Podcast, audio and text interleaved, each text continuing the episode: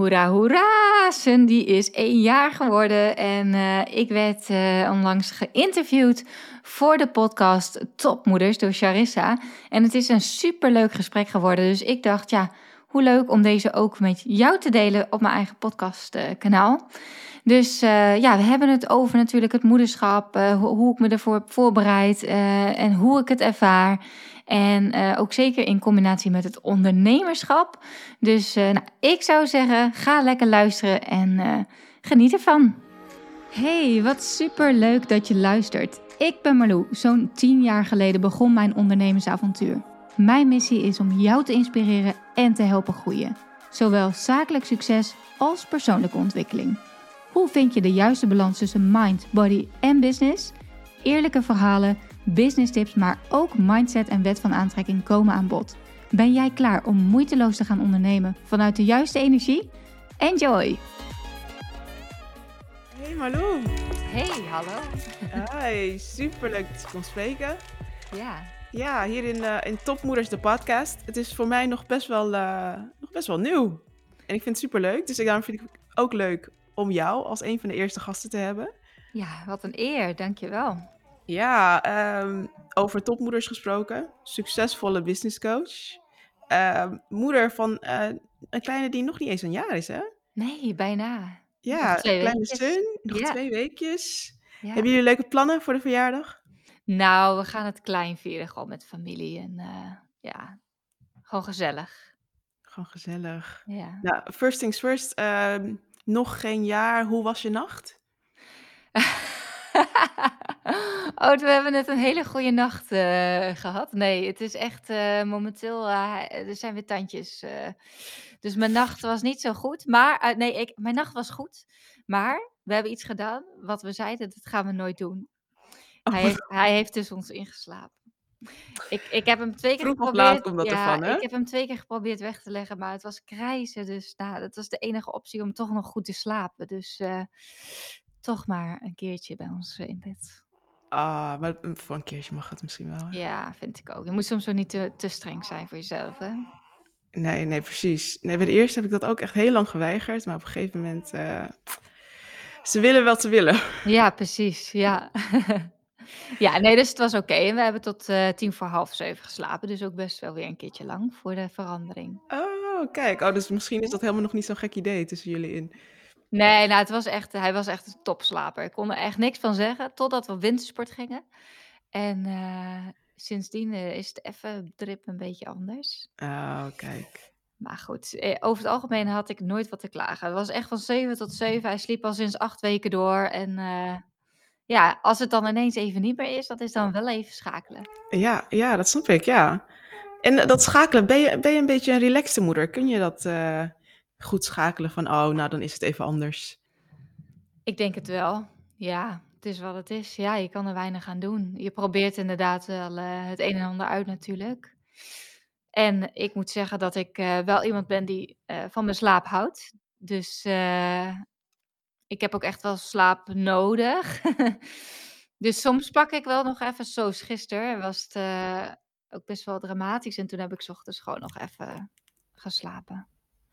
Heerlijk, heerlijk. Nou, hoe heb je, ja. heb je eigenlijk uitgekeken naar het moederschap? Had je een beetje voorbereidingstijd? Ja. Ik heb er zo erg naar uitgekeken. Ja, niet normaal. Ja, nee, um, misschien goed om te vertellen. Uh, ja, misschien een lekkere binnenkomen. Maar uh, voor de mensen die mij niet kennen, die uh, weten natuurlijk niet. Voordat ze geboren werd, was ik in verwachting van een dochter.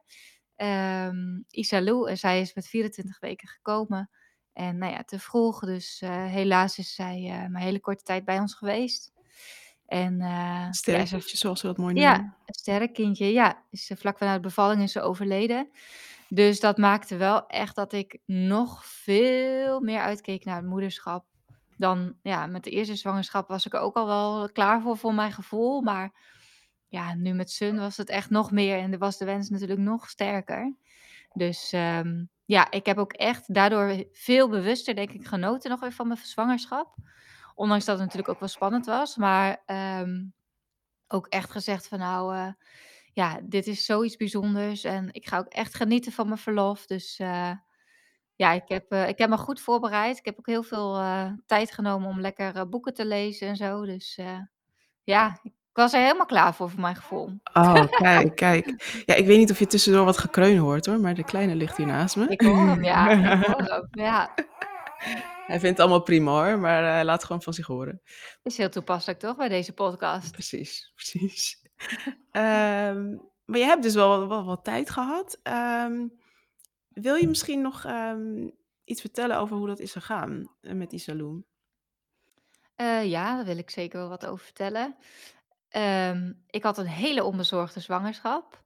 Ehm, ik was ook echt heel relaxed en, eh, ook aan het genieten. We waren nog op Baby Moon geweest naar Zuid-Afrika en Mauritius. En een week na terugkomst, eh, had ik een beetje buikpijn. Mijn oma lag op sterven, dus ik had afscheid genomen van mijn oma die na die avond. Ach En, eh, ja, ik was heel erg aan het twijfelen, zou ik nog heen gaan, zou ik niet heen gaan? Maar ik dacht, ja, dit is waarschijnlijk wel de laatste keer dat ik haar kan zien. Dus, eh, toch met mijn zus heen gegaan en afscheid genomen. En, eh, ja, diezelfde avond, dat ik in bed lag, had ik heel erg buikpijn. Maar ja, weet jij veel. Ik denk van, ja, je hebt net afscheid genomen van je oma. Misschien is het gewoon, een beetje, ja, stress in je lichaam of zo. En midden in de nacht werd die buikpijn zo heftig dat ik naar de wc ging. En, ja, toen braken ineens mijn vliezen. En, eh, toen dacht ik: "Ho, dit is goed mis." Eh, ik dacht niet dat het zo mis zou zijn. Ik dacht wel van oké, want ik had wel een vriendin die ook, eh, haar vliezen eerder waren gebroken. En ik wist dat je lichaam dat wel weer opnieuw aanmaakt. Dus ik had niet zoiets van: "Oeh, dit is, het direct, eh, einde verhaal." Maar ik had wel zoiets van: "Nou, we moeten na even bellen." En we nou ja, toen naar het ziekenhuis. En daar was al vrij snel duidelijk dat ik al mijn vruchtwater had verloren. Dat de bevalling eigenlijk al was begonnen, omdat het voetje al door de baarmoedermond was. Dus ja, dan heb je gewoon een open verbinding. Dus ja, er komt wel nieuw vruchtwater, maar dat gaat er direct uit. Dus, eh, toen met de ambulance naar het andere ziekenhuis. En, eh, ja, daar werd duidelijk dat, eh, ja, dat ik eigenlijk, eh, wel nog een keuze had. Maar de overlevingskansen van Isilou waren zo klein. En de kansen dat het, ja, gewoon echt zwaar gehandicapt was, was heel groot. Dus we hebben zoiets gehad van: "Nou, weet je, we we laten gewoon de natuur de gang gaan. Dit heeft zo moeten zijn schijnbaar." Eh, ja, hoe moeilijk dat ook is. Ja, en als ze wel sterk genoeg is, dan zal ze het alsnog wel overleven. En anders, eh, niet. Dus toen heb ik mijn ouders gebeld in de ochtend. Ze hadden eerst natuurlijk weeënremmers gegeven. En, eh, toen wist ik, nou, het gaat elk moment kan het weer gaan, eh, op gang gaan komen. En mijn ouders waren dus op weg naar mijn oma, want toen was het echt, eh, zover dat mijn oma ging overlijden. Dus, eh, nou ja, ik zei: "Ja, ga daar maar heen." Ja, ik weet ook niet hoe lang het bij mij nog duurt. Het kon misschien nog wel, nog wel dagen duren. Ik had geen idee. Dus ja, en toen, 's avonds uiteindelijk, rond, 6:00, eh, is ze geboren. En, ja, dat was natuurlijk wel, eh, heel, eh, heel bijzonder en ook heel, heel verdrietig om te zien hoe levenloos ze eigenlijk al ter wereld kwam. Echt zo klein. Maar wel gewoon alles erop en eraan. Echt een mini-mensje, gewoon compleet, maar gewoon nog te klein. Dus, eh, nou, en toen opeens we hadden toen ook heel veel foto's gemaakt. Dat zeiden ze in het ziekenhuis. Foto's maken, foto's maken, goed voor de herinnering. En dat hadden we dus laten doen door iemand die erbij was uit het ziekenhuis in de live modus van de iPhone. Dus op een gegeven moment ik heb dat het is nu, eh, 3 jaar geleden alweer. Eh, dus laatst 21 januari was 3 jaar geleden. Dus toen ging ik ook kijken en toen zag ik ook dat je dat ik op een gegeven moment ook zei van: "Oh god, ze leeft nog." Omdat je dan ineens zag ik haar borst nog bewegen. Dus ja, ze leefde wel, maar het was echt nog een paar ademhalingen en, eh, dat was het. Ja. Ja. En dan, eh, ga je ineens, eh, een paar uur later het ziekenhuis uit met een bakje water, want dat was wel heel mooi, wateropbaring, met je kindje erin. Ja. Ja. Ja, staat je wereld Jeetje. ineens op z'n kop. Dus, Ja. eh, ja. Hoe ga Ja, je dus, daarmee, hoe hoe ga je daarmee om? Ik weet hoe het is om om te gaan met de vreugde van de geboorte van een kind, maar je hebt tegelijkertijd de komst en het verlies ervan. Ja. Ja, dat is, eh, niet te bevatten. Het is zoiets ja, je komt in zo'n rollercoaster terecht en je denkt ook echt ik weet nog dat ik die dag erna werd ik wakker en ik moest ik zo ontzettend huilen. En ik zei echt van: "Nou, is dit een slechte nachtmerrie geweest? Vertel me alsjeblieft dat het gewoon een droom was." Want Nou ja, dat was dus natuurlijk niet zo. Maar, eh, ja je komt wel in een soort overlevingsmodus, want je moet ineens van alles regelen. Want ja, het is wel gewoon echt een kindje wat begraven of gecremeerd moet worden. Dus je moet ineens een crematie in ons geval dan regelen. Muziek uitzoeken, bedenken hoe groot wil je het, wie wil je erbij hebben.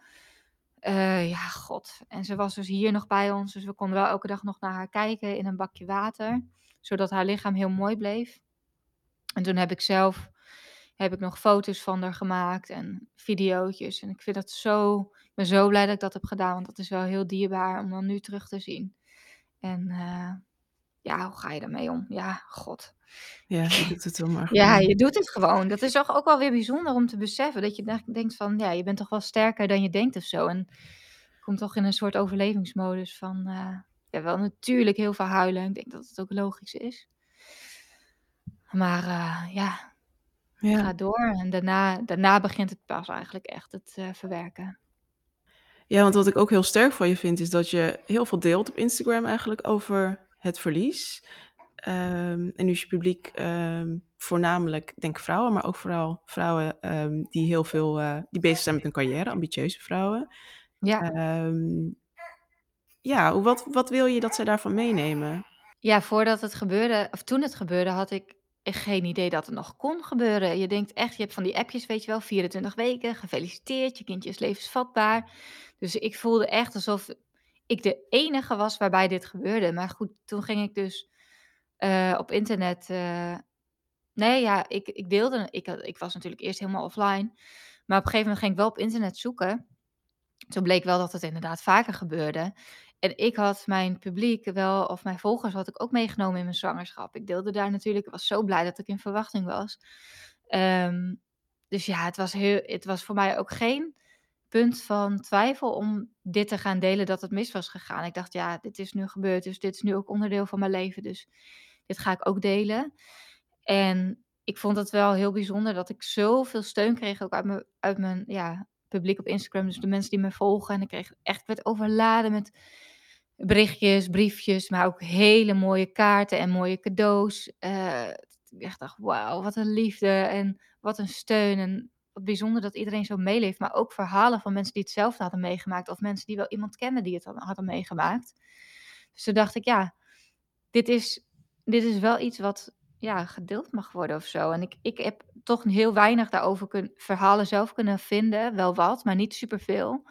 En ik merkte wel door, dat, door er zelf openlijk over te vertellen, kwam ik in gesprek met vrouwen die hetzelfde hadden meegemaakt. En dan ja, is het toch een soort van gedeelde smart is halve smart.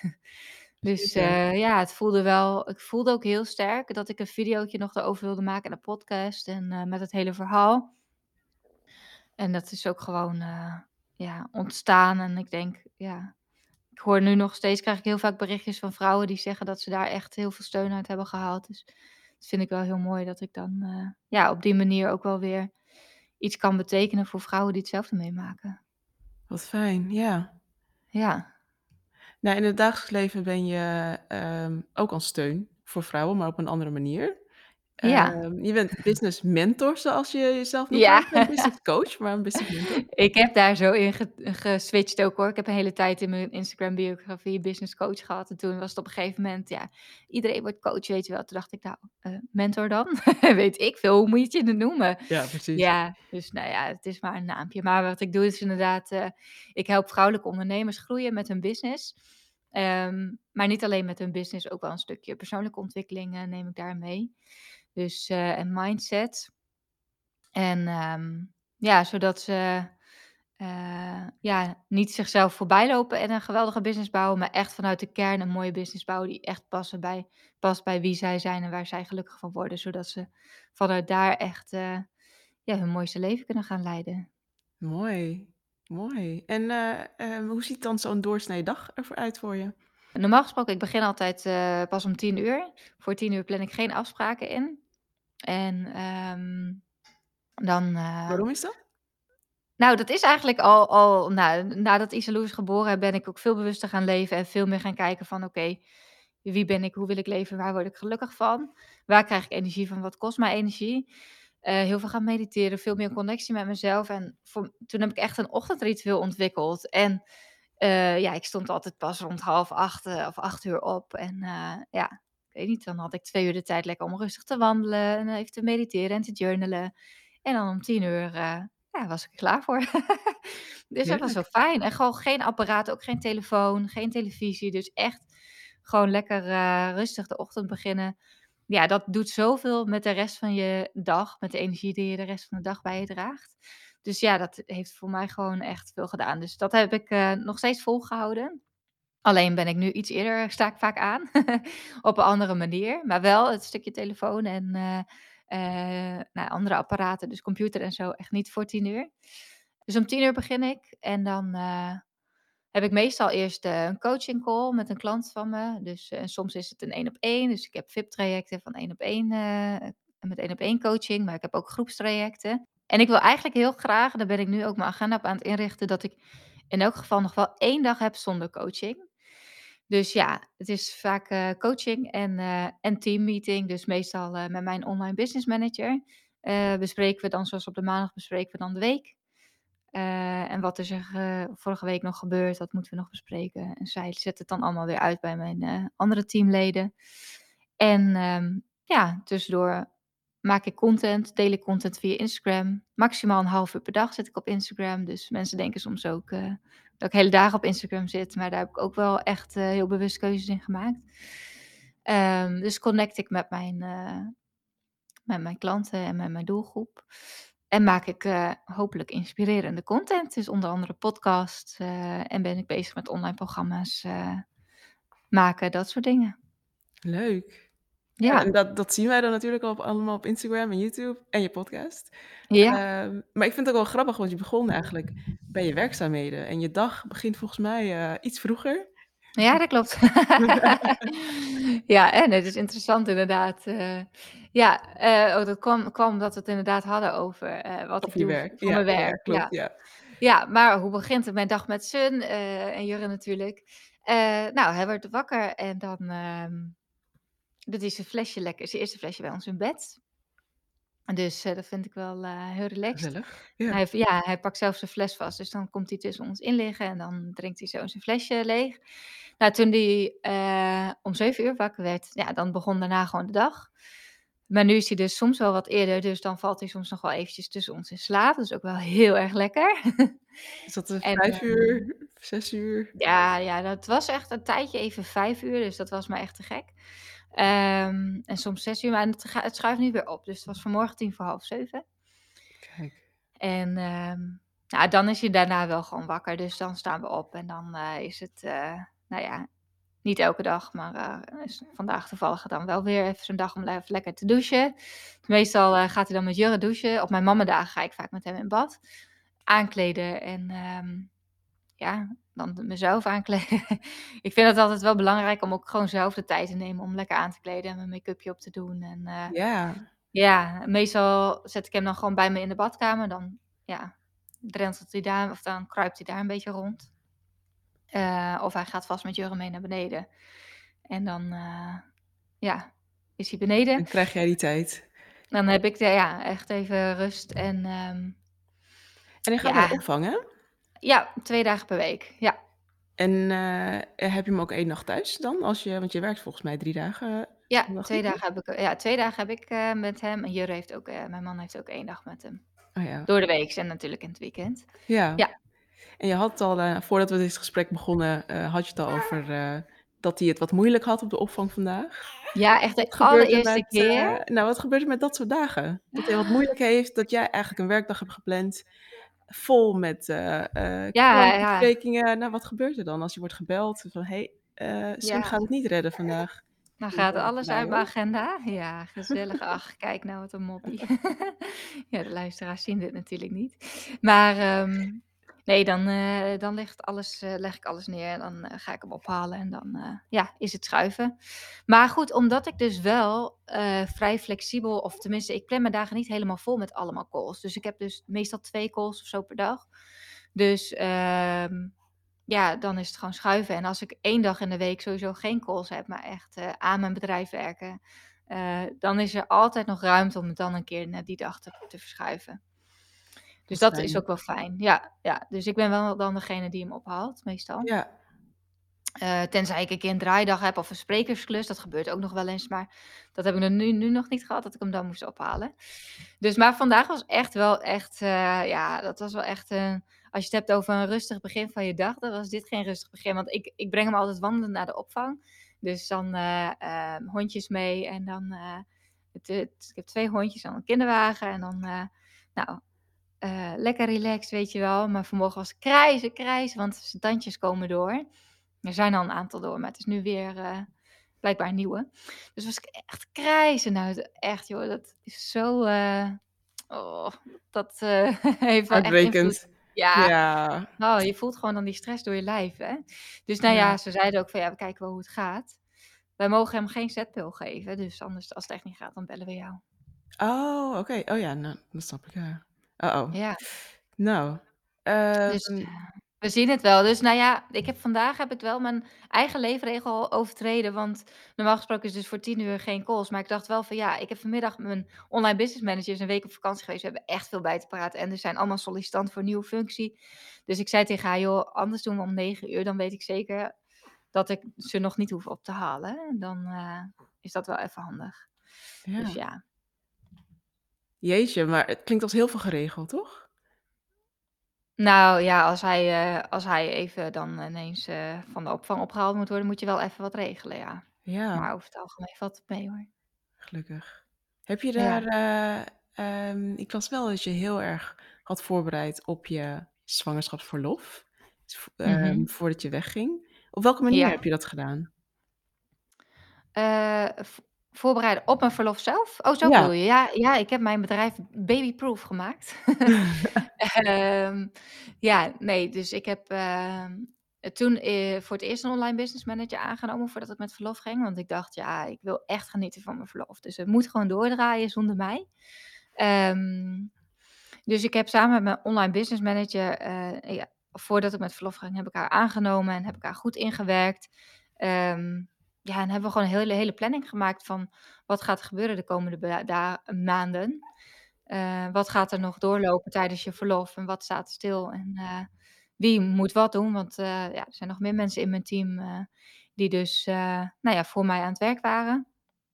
Dus we hebben gewoon alles goed doorgenomen van tevoren. En ja, als er echt iets was, dan mochten ze mij natuurlijk wel eens een keer bellen, maar zo min mogelijk. Nou, wat goed. Ja. En heb je op die manier ook Ja. voorbereid, je bedrijf ook voorbereid op het moederschap? Van welk als scenario X, dan gaan we dit doen?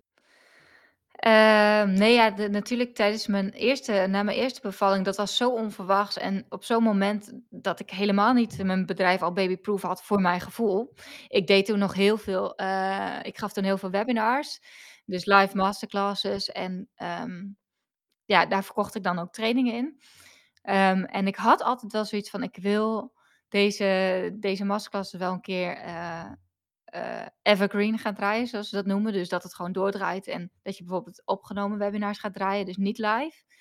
Maar ik had de overtuiging, het, het loopt minder goed als ik het niet live doe. Maar goed, toen werd ik gedwongen. Ik lag in het ziekenhuis en, eh, en, en op die dag daarna stond er een webinar op de planning. Dus toen heb ik tegen degene die mijn advertenties doet gezegd van, joh, draai een replay, want ik ben er niet. Ehm, en toen heb ik echt mijn allerbeste maand ooit gedraaid. Dus het was echt bizar. Het was zo'n eye-opener voor mij dat ik dacht van oké, dus ik heb eigenlijk al zoveel vrijheid voor mezelf gecreëerd in mijn business, maar die pak ik niet. Ehm, dus dat was, ja, dat ben ik nu sowieso heel anders gaan doen. Ik geef bijna nooit meer live eh, masterclasses. Ik heb dat nu al heel lang niet gedaan. Maar dat maakt niet uit. De waarde is natuurlijk hetzelfde.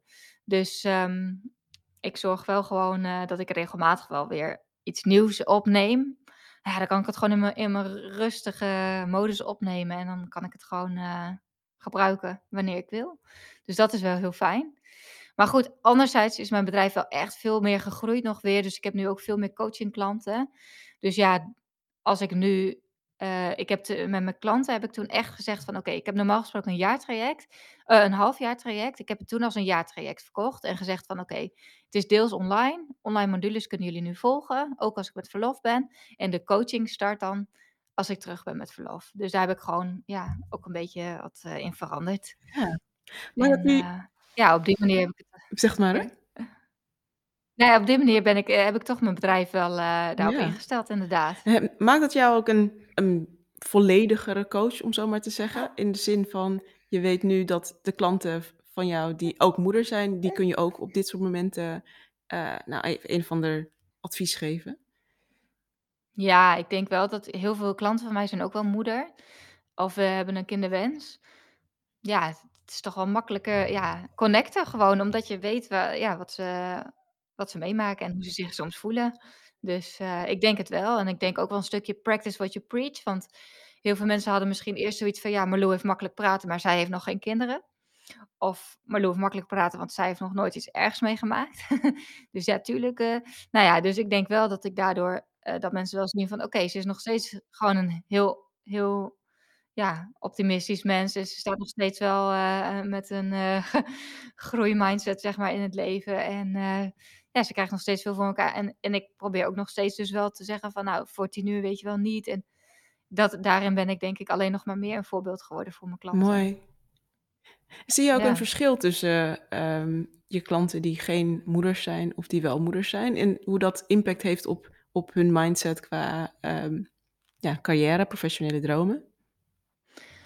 Uh, leuke vraag. Hm, ja, ik denk wel de mensen die of de moeders die uh, daarvan is het als ze net zijn bevallen vaak wel eventjes een stapje terug. Dan zitten ze echt meer in die vrouwelijke energie, zeg maar. Waar ze kijk, iedereen als ondernemer hebben toch wel echt een een drive natuurlijk en heel veel die bij mij komen, uh, die komen ook wel op mijn energie af. En ik heb ook zeker wel een stukje actie en gaan en groeien en knallen. Ehm, maar ik merk wel zeker ook sinds, nou ja, ook wel sinds de komst van Isalou dat ik meer vrouwen aantrek die dat wel toch ook belangrijk vinden om zichzelf niet voorbij te lopen. En ja, die een stukje meer bewustzijn willen en, ehm, ja, dat ja, mindset belangrijk vinden. Ehm, en of dat dan anders is als ze moeder zijn geworden. Ik denk wel dat ineens het bedrijf niet meer per se op alle allereerste plek staat. Dus dat ja, dat het wel een beetje verandert. Maar in de basis, ja, ik denk wel dat ze in de basis wel, uh, voor een groot deel zeker hetzelfde blijven. En, uh, ja, dat ze wel de ambitie hebben, maar dat het net even anders is. En dat ze ook willen kijken van, nou, hoe kan ik bedrijf laten doorgroeien, maar ook gewoon een goede moeder zijn. Heeft het jou veranderd als ondernemer, moederschap? Hm. Ja, ja, zeker als ik ja, ik ik zie dan het moederschap ook zeg maar met de komst van ons eerste kindje. Uh, want ja, dan ben je ook wel moeder, maar goed, het is het is niet helemaal het ja, het is altijd een beetje lastig. Maar dat heeft me vooral heel erg veranderd. Die die gebeurtenis, uh, heeft er wel echt voor gezorgd dat ik wel veel bewuster in het leven ben gaan staan en andere keuzes maak. Uh, en nu dat ik, moeder van Sun ben geworden, heeft er, ehm ja, ik denk dat ik ik ben nog steeds gedreven, maar niet ten koste van alles.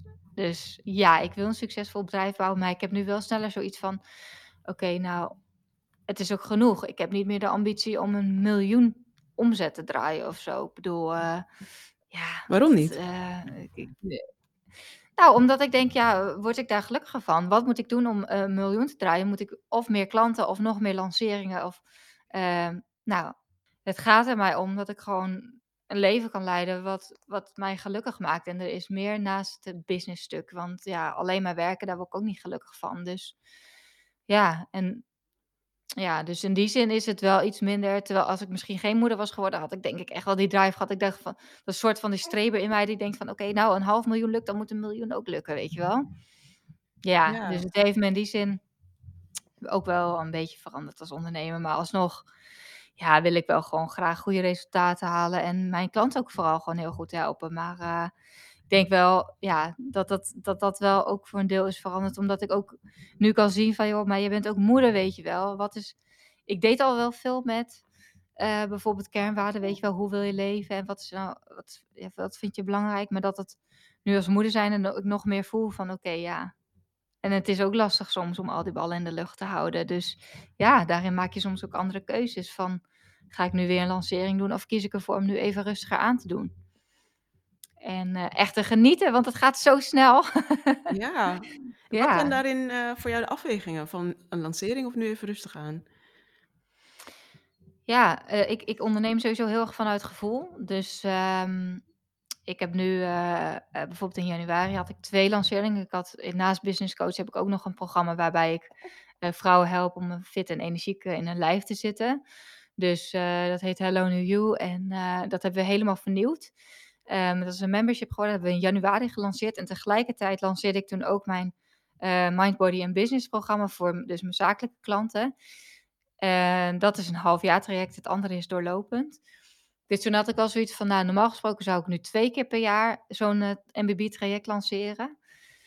Maar ik denk dat ik hem nu wel maar 1 keer doe, omdat het toch wel, ja, ik weet niet. Het is ook, je je draagt ook ik ben, natuurlijk mee bezig met mijn eigen business, maar in je hoofd ben je ook bezig met die andere bedrijven en die energie van die vrouwen zo hoog mogelijk. Dus je draagt de groep als het ware. Dus om mijn eigen energie goed te kunnen houden, heb ik er nu voor gekozen om dit jaar dit programma maar 1 keer met, eh, groepscoaching te starten.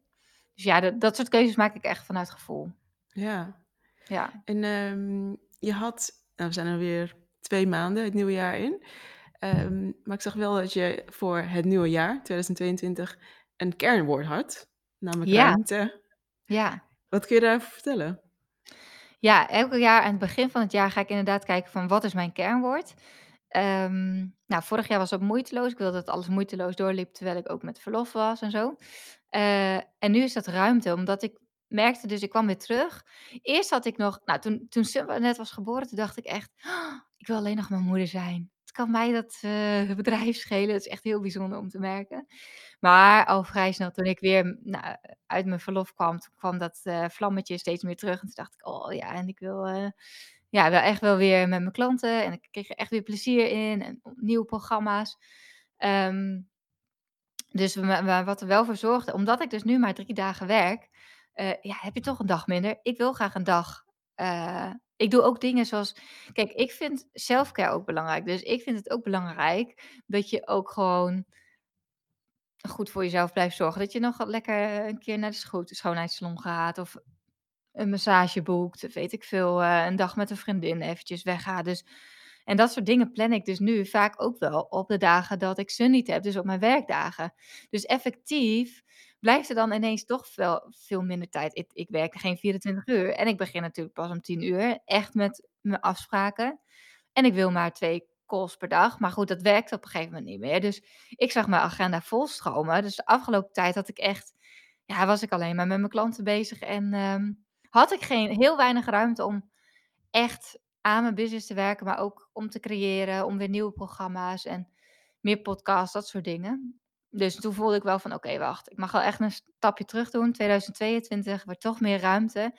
En ik geloof er echt in, vanuit die ruimte ontstaan er juist weer mooie dingen. Want ik kan nu ervoor kiezen, ja, om inderdaad 2 trajecten te doen en nog meer klanten en, eh, op die manier echt, te groeien. Maar ja, ik weet niet, dat voelt ook niet goed. Omdat ik juist die ruimte en vrijheid is ook echt een belangrijke kernwaarde van mij. Dus ja, om die vrijheid ook te kunnen ervaren, heb ik ook ruimte nodig om te kunnen creëren en, eh, ja, om ook rust te pakken. Juist soms even een stapje terug doen en vanuit daar ontstaan er juist weer vele mooie dingen, omdat je ook meer, ja, die connectie met jezelf hebt, zeg maar, veel beter kan voelen. Ja, wat wil ik nu eigenlijk en waar word ik gelukkig van en wat kan ik mijn klant wat ja, wat kan ik mijn klanten bieden en hoe kan ik hun op een zo goed mogelijke manier helpen. Dus, eh, ja, ruimte voor 2022. En dat is mooi, want want elke keer kun je dan dus het hele jaar kun je dan teruggrijpen naar dat kernwoord. Dat je denkt van: "Oké, wat was ook alweer mijn kernwoord? Ruimte. Heb ik momenteel ruimte? Eh, genoeg?" En dat is een ruimte in alle vlakken, hè. Dat is ook, eh, ja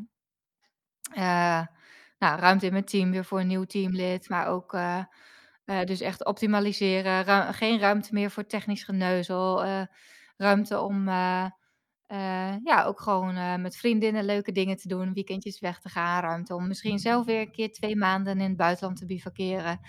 Dus dat is op alle vlakken en dat vind ik wel heel fijn om dan ook gedurende dit jaar gewoon regelmatig te kunnen kijken van: "Oké, hoe zit dat nu eigenlijk met het kernwoord en leef ik nog, ja, hoe ik wil leven?" Mooi, mooi. Ja, ik moest ik v ik vond het wel grappig, want ik moest eraan denken van: "Oh ja, eigenlijk heb ik dat stiekem ook voor mezelf gedaan." Ik heb dit begin van dit jaar dacht ik: "Ik wil gewoon heel veel plezier hebben in Ja. alles wat ik doe. En als het niet meer plezierig voelt, dan moet het anders. Of dan Ja, moet het misschien mooi. niet.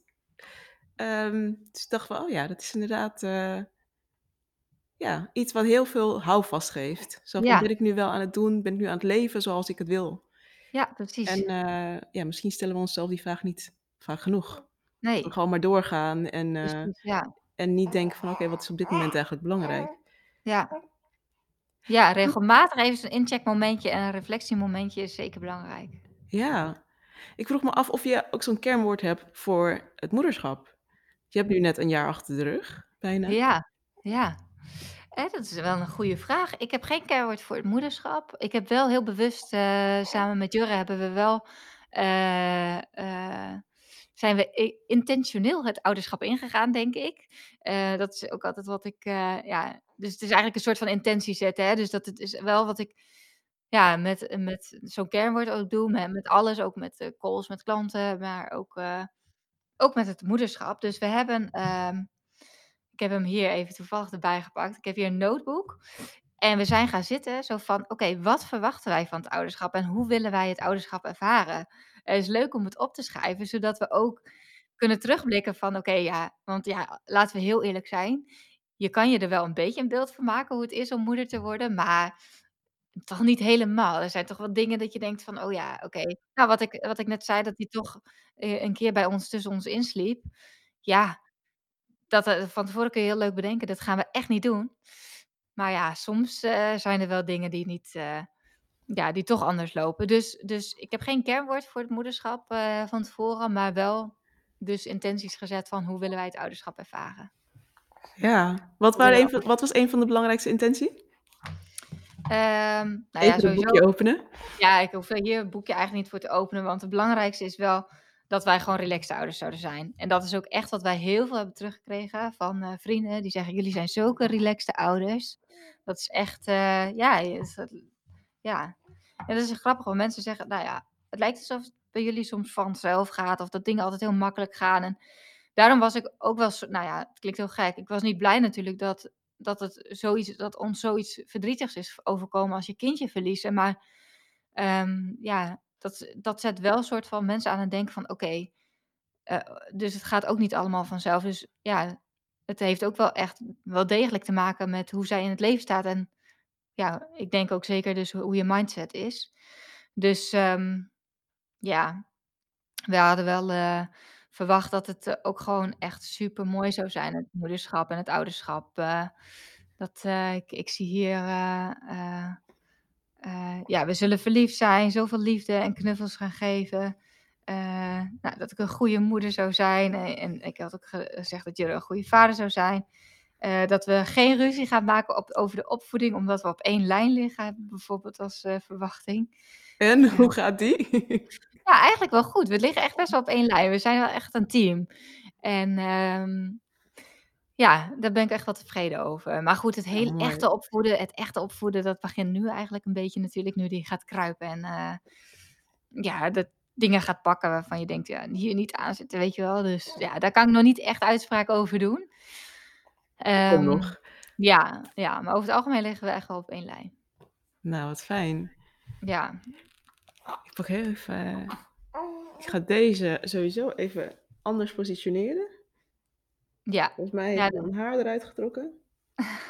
Nou, je kunt er wel je kunt nog wel wat haar missen. Je hebt zo'n mooi bos Ja. haar.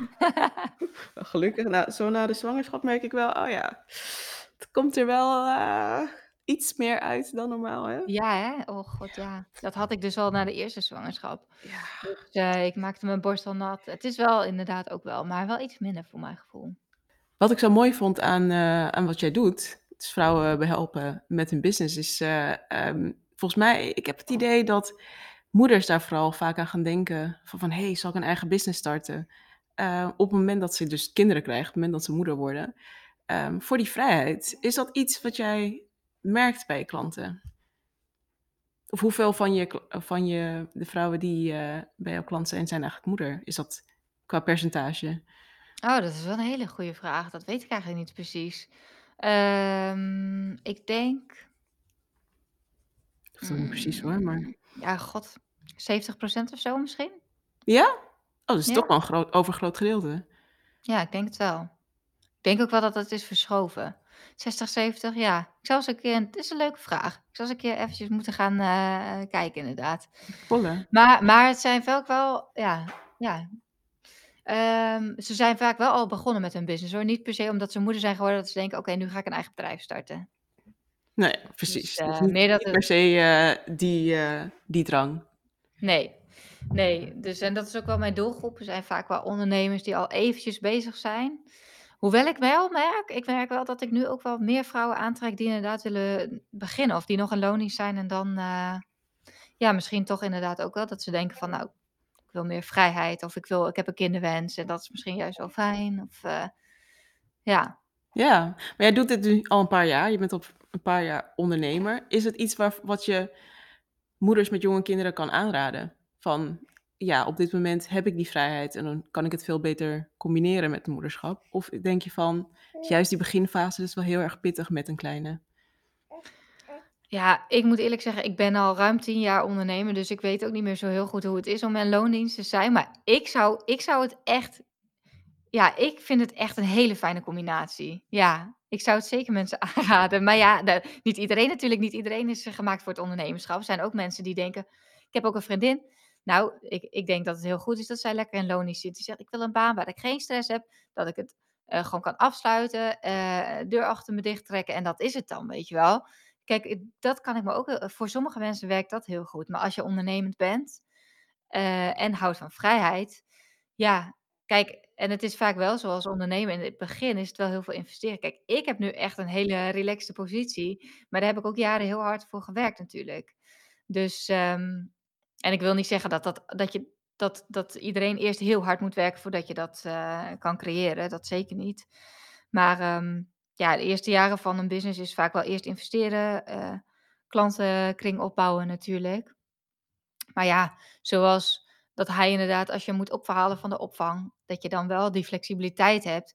Ik denk in loondienst, ja, dat daar ook altijd wel iets voor te regelen is natuurlijk. Maar, ehm ja, ja, dat is dat vind ik lastig te zeggen. Ik ben ik ben al zo lang ondernemer. Ik kan me ook niet meer anders voorstellen, maar ik heb ook genoeg vriendinnen die wel gewoon in loondienst zijn, die, eh, die het ook prima kunnen combineren. Ja. Ja. Ja, want ik wat ik wel veel merk is dat veel vrouwen die inderdaad een eigen business hebben, wel nog geneigd zijn om dan inderdaad als ze op bed liggen of zo nog even wat te gaan doen. Wat zijn de valkuilen eigenlijk, eh, van die combinatie, ondernemerschap en moederschap? Ja, ik denk dat de, eh, de valkuil is dat de, ehm, de scheidslijn zeg maar tussen privé en zakelijk is natuurlijk wat, eh, vager. Dus dat dat je sneller geneigd bent om, oh, als het klein op bed ligt, eh, even snel nog wat voor je werk te doen. Ehm, waardoor je toch uiteindelijk, ja, ik denk wel iets onrustiger wordt. Tenminste, ik merk dat aan mezelf. Ik heb wel echt de wens om dat echt niet te doen en die intentie. Ehm, maar goed, in het begin, het was echt wel zoeken naar een nieuwe balans natuurlijk. Dus dan had ik wel af en toe dat ik dat wel deed. En ik merkte wel dat, dat ik daar vrij onrustig van werd. Want dan denk ik toch, oh shit, hij kan elk moment wakker worden. En eh, ja, dat is toch wel eh, ja, minder relaxed voor jezelf of zo. Dat je niet helemaal echt een mamadag hebt. Dus ja, ik denk de grootste valkuil is dat het gewoon toch een beetje door elkaar loopt. En dat je misschien dan nou, weet je wel dat je, eh, borstvoeding of zo aan het geven bent en ondertussen, eh, je je mail aan het checken bent of zo. Dus dat je er daardoor misschien minder echt van kunt in het moment kan leven en van geniet. En dat is, eh, natuurlijk wel een valkuil en zonde. Ja. Is er een manier waarop jij dat wil voorkomen? Ja, nou, dat is dus, eh, voor jezelf heel duidelijk die intenties zetten. Eh, ik ik ik werk dus bijvoorbeeld met leefregels, zoals ik dat noem. Dus inderdaad bepalen van hoe wil ik leven. Nou ja, ik heb bijvoorbeeld voor mij in de borstvoedingperiode in het begin heb ik gezegd: "Ik wil gewoon niet als ik borstvoeding geef, wil ik niet op mijn telefoon kijken." Ehm, nou ja, op een gegeven moment kom je erachter, Sun dronk soms echt een uur aan de borst. Om de 3 uur. Ja, dat, eh, dus daar werd je dan op een gegeven moment ook wel wat flexibeler in. Maar wel heel bewust, weet je wel, dat je er wel heel bewust van bent van: "Oké, wat doe ik eigenlijk?" En, ehm, ja, daar ook weer voor jezelf gewoon een soort van, ja, regels voor jezelf voor opstellen. En, eh, eh, ik denk dat dat wel helpt en dat je dan ook regelmatig kijkt van: "Oké, hoe wilde ik ook alweer? Weet je, wat waren mijn intenties hiermee en hoe gaat het nu eigenlijk?" En, ehm, ja, ik denk dat dat heel belangrijk is. Dus dat je er wel bewust van bent. En juist als je er bewust van bent, dan zul je ook sneller merken van: "Oké, oh wacht, eh, Want ik zei, ik heb ook wel ondernemers die überhaupt helemaal niet bewust bijvoorbeeld met hun telefoongebruik aan de slag zijn en dan of bezig zijn en dan ga je ernaar vragen en dan schrikken ze zich echt rot en dan zeggen ze oké, weet je wel, dan gaan ze naar die schermtijd kijken en dan zitten er sommige mensen zitten gewoon vijf uur per dag op hun mobiel te kijken. En ehm, ja, dat Ja, heftig, eh, ja, en dat geldt denk ik niet alleen voor ondernemers. Maar ja, als ondernemer misschien wel, ja, ik denk ook wel voor mensen die in loondienst zijn. Dus ehm, ja, dus eh, op die manier denk ik wel dat je het eh, voor een deel kan voorkomen. Dat je er gewoon heel bewust, intentioneel afspraken met jezelf over maakt. Ja, en dat dat hoor ik eigenlijk, eh, overal terug. In, eh, het gewoon dat je heel erg bewust bezig bent, nou, met je ondernemerschap, met het moederschap, ook met zwangerschap. De aanloop ja, naar, eh, je bedrijf even op pauze zetten of even overhandigen aan, eh, aan iemand anders eigenlijk voor ja, een paar maanden. ja, Gewoon heel, ehm, gewoon de voorbereiding en het bewustzijn bij wat wil ik nou eigenlijk precies. ja. Ja. Ehm, ik wil met je afsluiten met een paar vragen. mhm. Ehm, snelle vragen. En één daarvan is, eh, wat is je grootste mother oftewel je meest onaangename verrassing van het moederschap? Nou, dat waren wel de darmkrampjes. Waarom heeft niemand mij verteld dat dat zo intens kan zijn? En dat ze daar zoveel last van hebben. Ik dacht echt toen Sun was geboren, nou, we hebben de meest relaxte baby ever en dit is zo relaxed. En, en toen eh, ineens kwamen die krampjes. Nou, ik heb echt uren met hem rondgelopen. En eh, ja, dat vond ik heftig. Dat was wel dat ik, eh, dat was mijn grootste motherfucker. Ja, ach jeetje, ja, je kunt niks doen, hè? Nee, Het is maar gewoon nee. troosten en hopen dat het snel voorbij gaat. Ja, Ach jeetje. Was jij dan degene die, eh, die met hem rondliep? Hebben jullie Nee hoor, nee, nee, nee, allebei, allebei. Alleen Jurre ging natuurlijk al wel eerder aan het werk, dus dan, eh, ik weet nog wel een keer dat ik met een vriendin ging wandelen. Nou, dachten we: "Oh leuk, weet je wel, allebei ongeveer dezelfde leeftijd, een babytje en, eh, met die kinderwagen zo samen." Ik was zo blij dat ik eindelijk ook achter een kinderwagen kon lopen, weet je wel. Dat ik niet de moeder was zonder kindje die, eh, die daar, naast liep zonder wagen. Dus dat was echt iets waar ik naar uitkeek en dan liep ik met die vriendin te wandelen en nou, Sun moest alleen maar huilen, huilen, huilen. En dan kun je gewoon geen gesprek voeren. Dat, eh, ja, nee, dat, dat, is wel, dat, dat doet gewoon echt iets intern met je systeem, zeg maar. Het staat echt op stress. En eh, ja, instinctief denk je alleen maar, och, ik wil wat doen, ik wil wat doen, maar je kan niks doen. Nee. En ik, oh, het was echt zo erg trouwens, want toen was het een hete zomerdag. Maar ik dacht, ja, ik ga niet opgeven, weet je wel. Dus toen hebben we hobbelpaadjes genomen. En nou, op een gegeven moment ging het weer goed. Toen was hij weer rustiger. En toen gingen we dus stilstaan. Toen wilden we even een fotootje maken van die twee kleintjes naast elkaar in die wagen. Nou, dat stilstaan was funest. Dus toen begon hij weer. En toen kon ik kiezen of ik ga hier linksaf, dan heb ik een kortere route naar huis. Of ik ga rechtdoor, dan heb ik nog een iets langere wandeling. En dan kan ik ja, nog even langer met haar gewoon kletsen. En... Maar goed, toen was hij dus weer. En toen koos ik toch voor de langere route. En het was echt de slechtste keuze ever. Uiteindelijk ben ik met hem beland uh, in een weiland uh, zonder bomen. Heb ik hem daar borstvoeding gegeven in een gloeihete zon. Met, uh, nou ja, die hondjes waren er natuurlijk ook nog. Dus die, ach, het was echt. Maar ik dacht, dit is mijn enige. Ik kon niet meer. Ik, ik had echt al anderhalf uur met haar gewandeld met een krijzende baby. Ik denk, dit, dit moet stoppen nu. Dus dat was echt jeetje. heftig, ja. Maar goed, dat gelukkig komt aan alles een einde. Dus toen hij eenmaal naar de opvang ging, was dat ook weer, weer aardig voorbij. Ja. Ja. Is het dan toch die ondernemers doorzettingsvermogen zo van ik moet dit laten werken, wat dat misschien niet helemaal werkt voor het moederschap? Ja, misschien wel, ja. Ja, dat zou best wel kunnen, ja. Ja. En een ander, het tweede is, wat is je breekijzer? Waar breek je van als moeder? Ja, nou, d- dat vond ik wel echt. Uh, ja, als hij echt, als hij heel erg pijn heeft en je kan niks doen, ja, dat vind ik zo zielig. Ik merk echt dat dat een verschil is tussen mannen en vrouwen. Jurre, die, mijn uh, man, die, uh, ja, die kan dan toch wel heel rustig blijven. Het is niet dat ik dan helemaal gestrest en helemaal gebroken ben. Maar ik heb wel een keer inderdaad in het begin toen Jurre alweer aan het werk was. En nou, dan moet ik ook zeggen, dat was ook al intensief, omdat hij, we hadden toen een investeringspand gekocht en hij ging elk weekend klussen.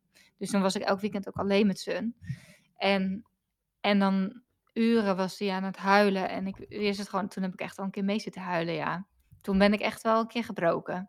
ja. Och, is je, ja, maar dat kan je Ja. niet meer. Nee, en dan zit je nog zo met die hormonen. Dus ja, dat was toen even een breekmomentje. Ja. Ja. En tot slot, ehm, wanneer verdiende je voor het laatst een Mom of the Year award? Dus een moment waarvan je dacht: "Nou, dat heb ik wel even geflikt." Nou, dat is dan toch wel tijdens, uh, de begin borstperio voedingperiode. Uh, ook een kwestie van doorzetten. Ik had een dubbele borstontsteking. Ik lag echt, uh, te ijlen in mijn bed met 40 graden koorts en ik moest eigenlijk wel naar het ziekenhuis, maar vanwege corona en, alles, kon ik daar niet terecht. En toen hebben we nog wel langer ook, kraamzorg gehad en die heeft ook slecht geslapen omdat ze zich zo zorgen maakte om mij. maar toen heb ik toch doorgezet en, uiteindelijk, nou ja, ik wil niet zeggen dat iedereen dat moet doen hoor, absoluut niet. Maar ik vond ik had zo uitgekeken naar de borstvoeding, zeg maar. Ik vond het zo'n mooi momentje en ook zo'n, ja, momentje dat je zo bewust kan genieten. Dus toen heb ik doorgezet. Uiteindelijk is er nog een keer een borstontsteking bijna gekomen. ja, toen toen had ik wel de Mother of the Year award verdiend, vind ik zelf. Ja. Ja. Ja, dat, Jeetje. uh Oh, dat is niet ja. niks. Nee. Hoe, eh, hoe hoe ging dat toen met de borstvoeding? Is het voor de rest, eh goed verlopen? Ja, uiteindelijk heb ik iets van een half jaar of zo, eh, borstvoeding gegeven. Ehm, ja, dat ging verder gewoon helemaal goed. Het duurde alleen vrij lang, maar ja, daardoor had ik wel elke keer heel lang een mooi momentje, een bewust momentje voor mezelf en met z'n Sun. Ja, ik heb er wel echt heel erg van genoten. En, ehm, ik moet ook eerlijk zeggen dat ik niet van tevoren had gedacht dat dat zoveel tijd in beslag kon nemen. Ik weet nog wel de Ja. eerste vraag die ik aan mijn vriendin mijn beste vriendin stelde toen die was geboren met die borstvoeding, dat ik zei van: "Die 3 uur hè, ehm, tussen de voedingen in, gaat dat in vanaf het moment dat hij klaar is of vanaf het moment dat je begint met voeden?" Eh, nee, vanaf het moment dat ik dacht: "Oh, dat begint." Toen dacht ik: "Oh shit, ja, dat is echt" en nou ja, op een gegeven moment hij was gewoon slomen drinken, dus ja, je hele dag staat dat in het teken van het voeden en en het kolven natuurlijk. Als op een gegeven moment ging ik weer, uh, aan het werk en dan moest ik gewoon tijdens die coaching calls af en toe gewoon, uh, ja. Ja, doe je doe je dit dan ook? Dat heb ik toen wel gedaan bij bij bij klanten die ook moeder waren of die net ook moeder waren geworden. En volgens mij waren het maar 1 of 2 klanten hoor, dat ik dacht van ja, nou ja, zij snappen het wel en, uh Ja. Ja, en dat ging wel goed ook, want ik weet nog wel dat de klant toen tegen mij zei dat het gewoon bij jou doorgaat nu. Ik had echt wel ik moet wel rustig zijn, weet je wel, maar, Ja, uh precies. ja, nee, dat ging goed en ik ben toen, ehm wat ik ook belangrijk vind aan een moederschap is dat je ook tijd voor jezelf blij dat je ook gewoon jezelf ja, natuurlijk, het neemt heel veel r tijd en ruimte in beslag, maar, eh, je kunt er wel ook bewust voor kiezen om, ja, ook nog wel af en toe een nachtje of een weekendje of een weekje weg te gaan met een vriendin bijvoorbeeld. En dat heb ik toen gedaan in september. En toen was ze een half jaar en toen ben ik met een vriendin, eh, naar Portugal gegaan op kitesurfkamp. Dat was een spontaan idee van haar en ik, eh, nou ja, ik had nog nooit gekitesurfd, maar ik dacht: "Nou, laten we het proberen, eh, gezellig, gaan we En dan doen." meteen een kamp. Ja, nou ja, dat klinkt heel erg kamperig, maar het was meer een retreat. Het was echt wel een luxe hotel en, alles op en aan en yoga was er ook en dat was iets wat mij ook over de streep trok, dat ik dacht: "Oh, wat lekker, dan kan ik de hele week lekker yoga en zo." Ehm, maar goed, toen heb ik ook in die week heb ik nog gekolfd, elke keer. Maar ik dacht wel: "Ik probeer het, maar als het stopt, dan is dit gewoon einde borstvoeding en dat is dan zo, weet je, dan is het ook oké." Ja. Dus, eh, ik daar in de vriezer en alles weer mee teruggenomen en, eh, Oh, ja. Sun had natuurlijk een week geen borstvoeding gehad, dus, eh, die, was er daarna wel klaar mee. Die dacht, "Dat flesje gaat me wel lekker snel." Terwijl we toen ook al wel deels deden hoor. Op een gegeven moment was ik wel al gaan afbouwen. Deed ik niet meer volledig borstvoeding. Nee. Dus, ehm, ja, dat, eh, eh Zo. ja. En dat was wel lekker. Ik was wel heel blij dat ik het heb gedaan. Jurre is nu ook laatst een week op wintersport geweest met vrienden. Het is ook mooi om een week zo alleen met je kind te kunnen zijn. Ondanks dat het ook pittig is, maar, eh, ja, ik weet niet. Dat maakt je ook weer, eh dat je nog weer bewuster het ervaart of zo. Ja. Wat kun je dan eh, je had het over die, eh, die urenlange voeding, ehm, en ook, nou, samen alleen zijn met je kindje zonder je partner. Zijn dat momenten waar je wel aan kan overgeven? Dat je eigenlijk dat niet productief zijn? Ja, ja zeker. Ja, dat kan ik nu wel. Maar ik ben wel dus ondertussen nog weer geswitcht. Da daarom was het in het begin wel iets lastiger van online business manager. En een online business manager is vooral de belangrijkste rol in mijn bedrijf. Dus die moet alles weten. Dus dat was heel veel inwerktijd, zeg maar. En nu is zij ingewerkt en nu merk ik ook wel dat ik op de dagen dat ik vrij ben, eh, ja, dat ik minder vragen krijg en dat ik soms wel ja, dat ik nu ook wel kan zeggen: "Jongens, ik ben vrij. Eh, ik wil gewoon nu met Sun zijn. En uh, ja, dat, dat gaat nu echt steeds beter. En ja, ik kan daar echt wel echt van genieten. En dat ik ook gewoon een normaal boek kan pakken in plaats van bijvoorbeeld een boek wat gaat over persoonlijke ontwikkeling. Of, want ja, dat vind ik gewoon echt zo leuk, omdat ik dat ook natuurlijk met mijn klanten altijd in mijn coaching trajecten verwerk. Maar nu kan ik ook gewoon rustig weer een keer een gewoon leeshoek en het echt even afschakelen. Ik denk dat dat ook heel belangrijk is. Ja. Zeker. Dankjewel Marlou voor al je advies aan alle topmoeders die jullie luisteren. Ja, graag gedaan. ja, en uh, nou, ik wens je gewoon heel veel uh, plezier. Ga lekker genieten van Sun. Ja, dat gaat helemaal goed komen. Dankjewel. Bedankt weer voor het luisteren. Ik hoop dat je wat uit deze podcast hebt gehaald. Dat je inspiratie hebt gehaald of iets waardoor je weer door kunt groeien. Wist je dat je mij ook kunt helpen groeien? Jazeker. Maak een screenshot van deze aflevering. Tag mij als je hem plaatst op je Instagram feed of in je stories. Superleuk, want dan kan ik ook zien wie er allemaal naar deze podcast luisteren. En als je me helemaal blij wilt maken, ga naar iTunes, scroll naar onder bij mijn podcast en geef mij 5 sterren. Het liefst natuurlijk 5. Maar nog leuker als je ook eventjes een referentie achterlaat. Dus een review waarin je laat weten waarom jij deze podcast inspirerend vindt om naar te luisteren. Alvast bedankt en tot de volgende keer.